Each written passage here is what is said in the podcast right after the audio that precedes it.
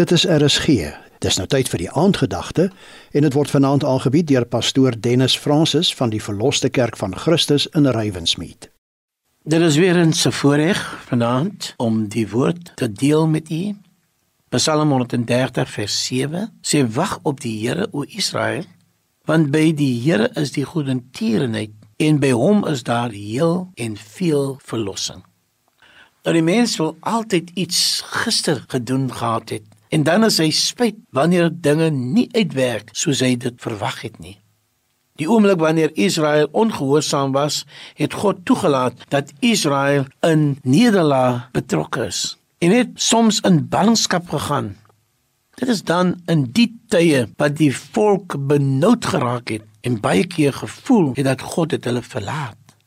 Psalm 130 vers 6 sê die psalmdigter: My siel wag op die Here meer as wagters op die môre. Hiermee word die erns van die saak om te wag op die Here uitgebeeld. Om te wag hang ook baie af van die ingesteldheid van die mens om geduldig te wees. Wag op die uitkoms. Wag op die Here vir sy kragtige deurbrake. Die psalmdigter besef ook opnuut dat net by die Here is die goedertierenheid. Ons besef sy goedertierenheid is tot in alle ewigheid. Daar's geen einde daaraan nie.